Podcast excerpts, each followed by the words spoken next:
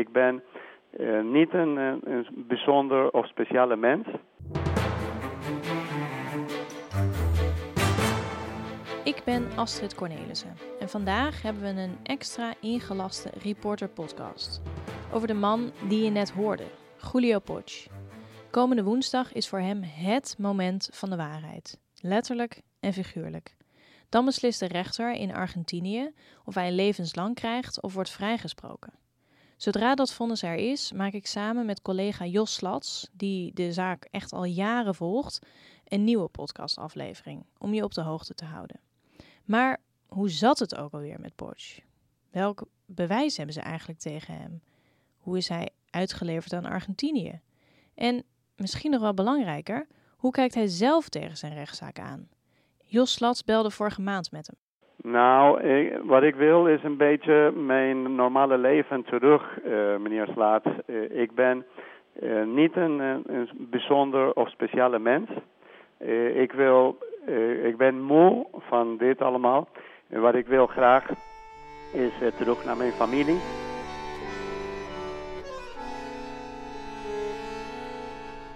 We hebben Julio Poch aan de telefoon vanuit de gevangenis in Buenos Aires. De oud-Transavia-piloot staat in Argentinië terecht wegens misdaden tegen de menselijkheid.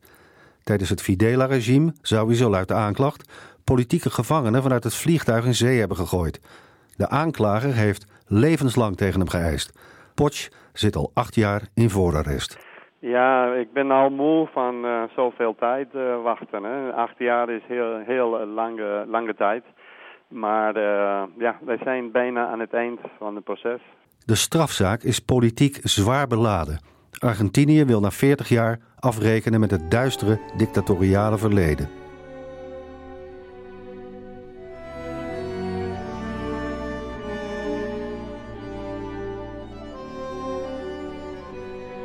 Heeft u vertrouwen in de Argentijnse rechtsgang? Uh, niet echt. Uh, niet echt. Uh, wat ik heb gezien als voorbeelden, ook in andere zaken, ook met collega's en gedetineerden dat zijn, zitten hier. Dat is ehm, ja, niet veel injustice in het systeem. Het werkt niet goed. Je weet dat het is. wat u moet weten, meneer Slaats, is dat deze heeft ook te maken met de politiek. U zegt dus, het is een politiek beladen proces. Voelen de rechters, denkt u, die druk ook? Zeker, ja zeker. Zij voelen de, dat we hebben dat gezien over de jaren in, in veel andere zaken. Uh, dat alles heeft te maken met de politiek. Gelukkig moet ik zeggen dat onze rechtbank niet zo uh, politiek uh, is in vergelijking met andere rechters. Zo, dat geeft ons wat hoop dat zij zou niet onder de druk van de mensenrechtenorganisaties zijn beslissing overgenomen door de druk van die organisaties. Dat willen gewoon wraak en, en het maakt niet uit met wie. Het is niet alleen rechtvaardigheid, maar dit is een, ook revenge, van wraak van eh, jaren geleden. Een afrekening met het verleden? Afrekeningen van het verleden, uh, met het verleden. Dat is uh, inderdaad een heel goede woorden. en Sam van, van dit is. natuurlijk, ik ben niet de enige dat onschuldig is. Ehm, maar het is ook hier heel apart. Je moet ook als onschuldig de bewijs geven dat je onschuldig bent en niet andersom. Hè? En dat, is, uh, dat, dat kan niet in, uh, in een justice systeem. U bedoelt, hier is sprake van omgekeerde bewijslast? Precies, precies. Dat is, dat is zo. We, dat wisten wij, we kunnen dat zien van andere processen, maar ook al van het begin. Zo, vandaar gelukkig uh, ja, we waren in staat om alle bewijs te kunnen, kunnen inleveren dat uh, ja, ik, ik onschuldig ben. Maar voor veel andere mensen dat is een stuk moeilijker.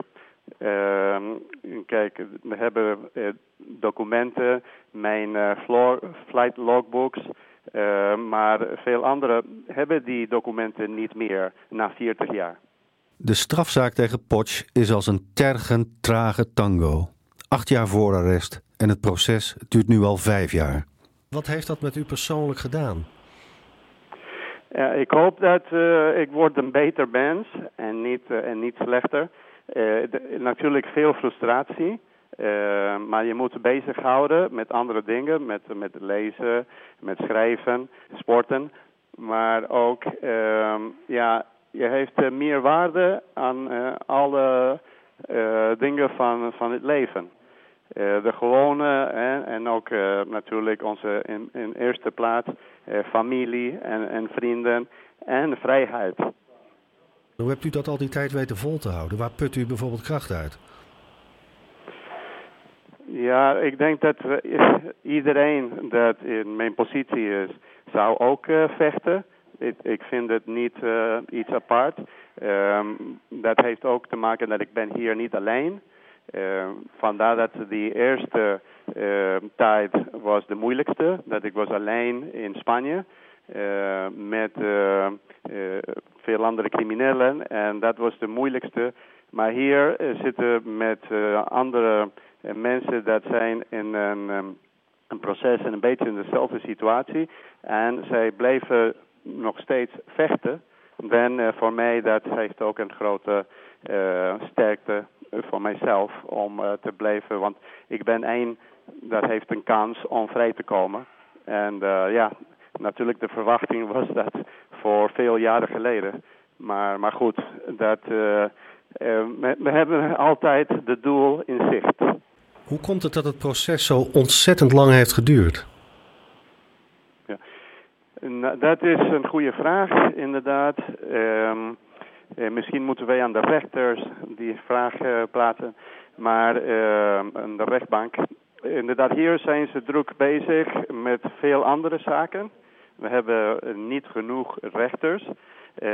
zo, voor een idee, tegelijkertijd zijn ze bezig met twintig trials, rechtszaken over de hele land. En, natuurlijk, ja, we zijn begonnen met drie dagen in de week en uiteindelijk uh, de laatste maanden met één dag in de week. Zo, dit schiet niet op. En, uh, en wat is ook uh, natuurlijk die aantal mensen. we zijn begonnen met 69 mannen. Van de 69 zijn 15 overleden. En dat is ook ontzettend een grote groep. En dat is ook de, de grootste rechtszaak in Argentinië en de langste. U bent Nederlands staatsburger, maar Nederland is ver weg. Uh, kreeg u vaak bezoek? Van wie? ja, ik ben uh, nog steeds sinds 95 Nederlandse burger. Mijn Nederlands is niet meer zo vloot. Uh, maar goed, uh, ik heb uh, niet genoeg geoefend de laatste tijden. Maar af en toe krijg ik een bezoek van collega's van Nederland. Zeker veel vliegers en um, cabinepersoneel. En dan kan ik een beetje mijn Nederlands met, met die personen oefenen.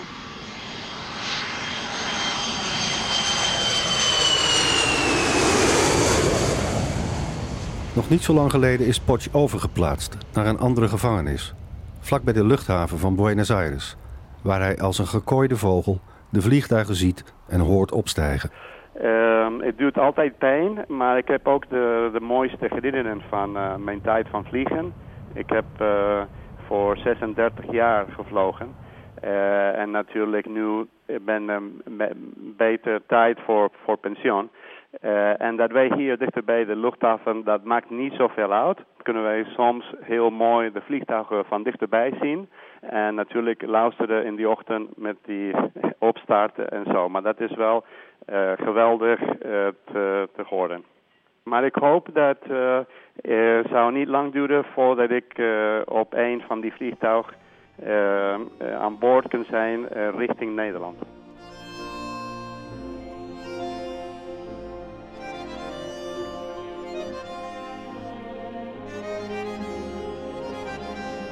De zaak begint met een etentje, 14 jaar geleden, met collega's van Transavia.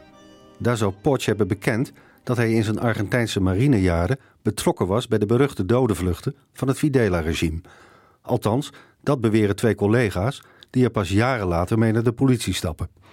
In het televisieprogramma Pauw en Witteman weten ze nog precies wat Potsch die avond vertelde en welke gebaren hij daarbij maakte.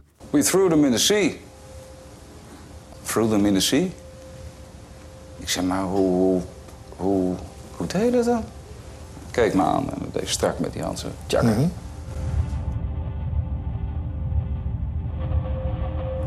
We praten hier niet over iemand die een broodje heeft gestolen uit de trolley van de stewardess zonder te betalen. We praten hier over een, eh, een grens die enorm is overschreden, tenminste in mijn beleving. Maar zo stellig zijn de collega's niet meer als ze later onder Ede worden gehoord bij de rechtercommissaris. Daar zwakken ze hun belastende verklaringen flink af. Ik kan u niet met stelligheid zeggen dat hij heeft gezegd... ik heb uit mijn kist... Nee, zo heeft hij het niet gezegd. Ik heb Julio nooit letterlijk horen zeggen... ik heb ze eruit gegooid of ik zat achter het stuur of iets dergelijks. De manier waarop Julio sprak gaf mij sterk de indruk... dat hij op enige manier betrokken was bij het uitvoeren van deze vluchten. Vanwege de manier waarop hij het vertelde en de overtuiging waarmee hij het zei... kreeg ik de indruk dat hij er zelf bij betrokken was geweest. Maar Julio Potsch zit dan al jaren vast.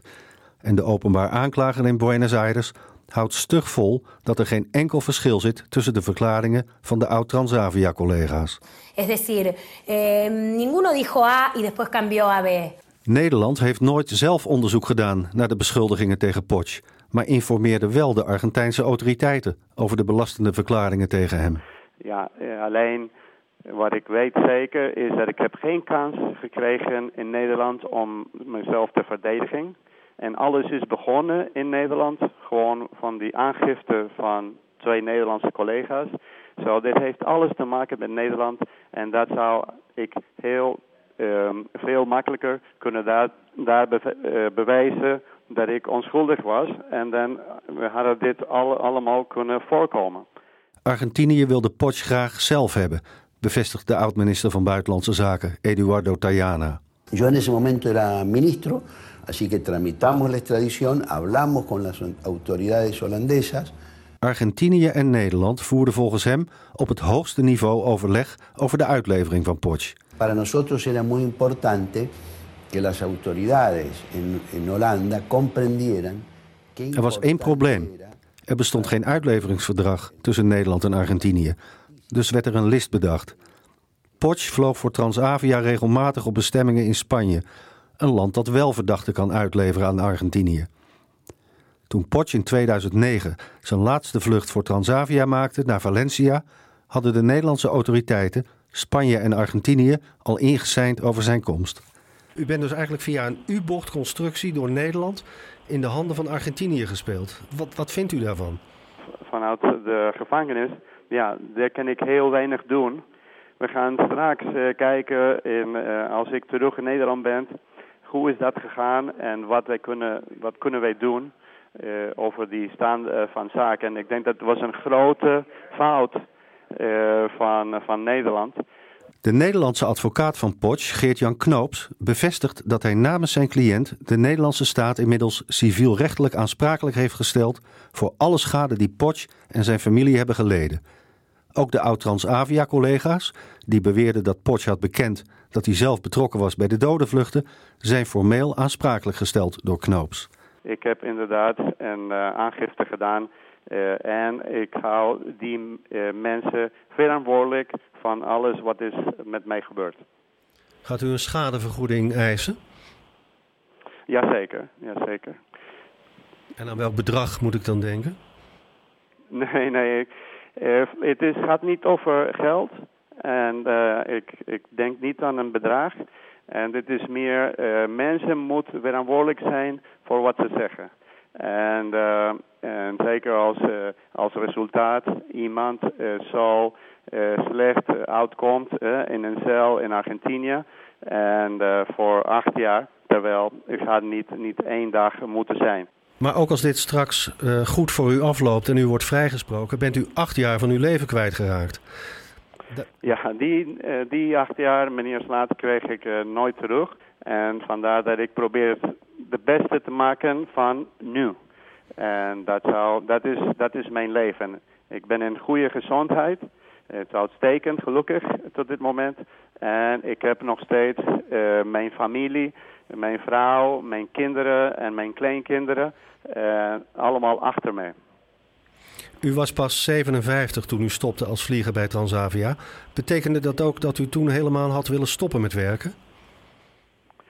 Nee, uh, de bedoeling was om over te stappen naar een andere uh, vliegtuigmaatschappij.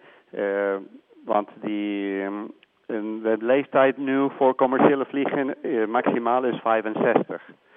maar goed, nu ben ik 65, zo ben ik klaar ook met die droom.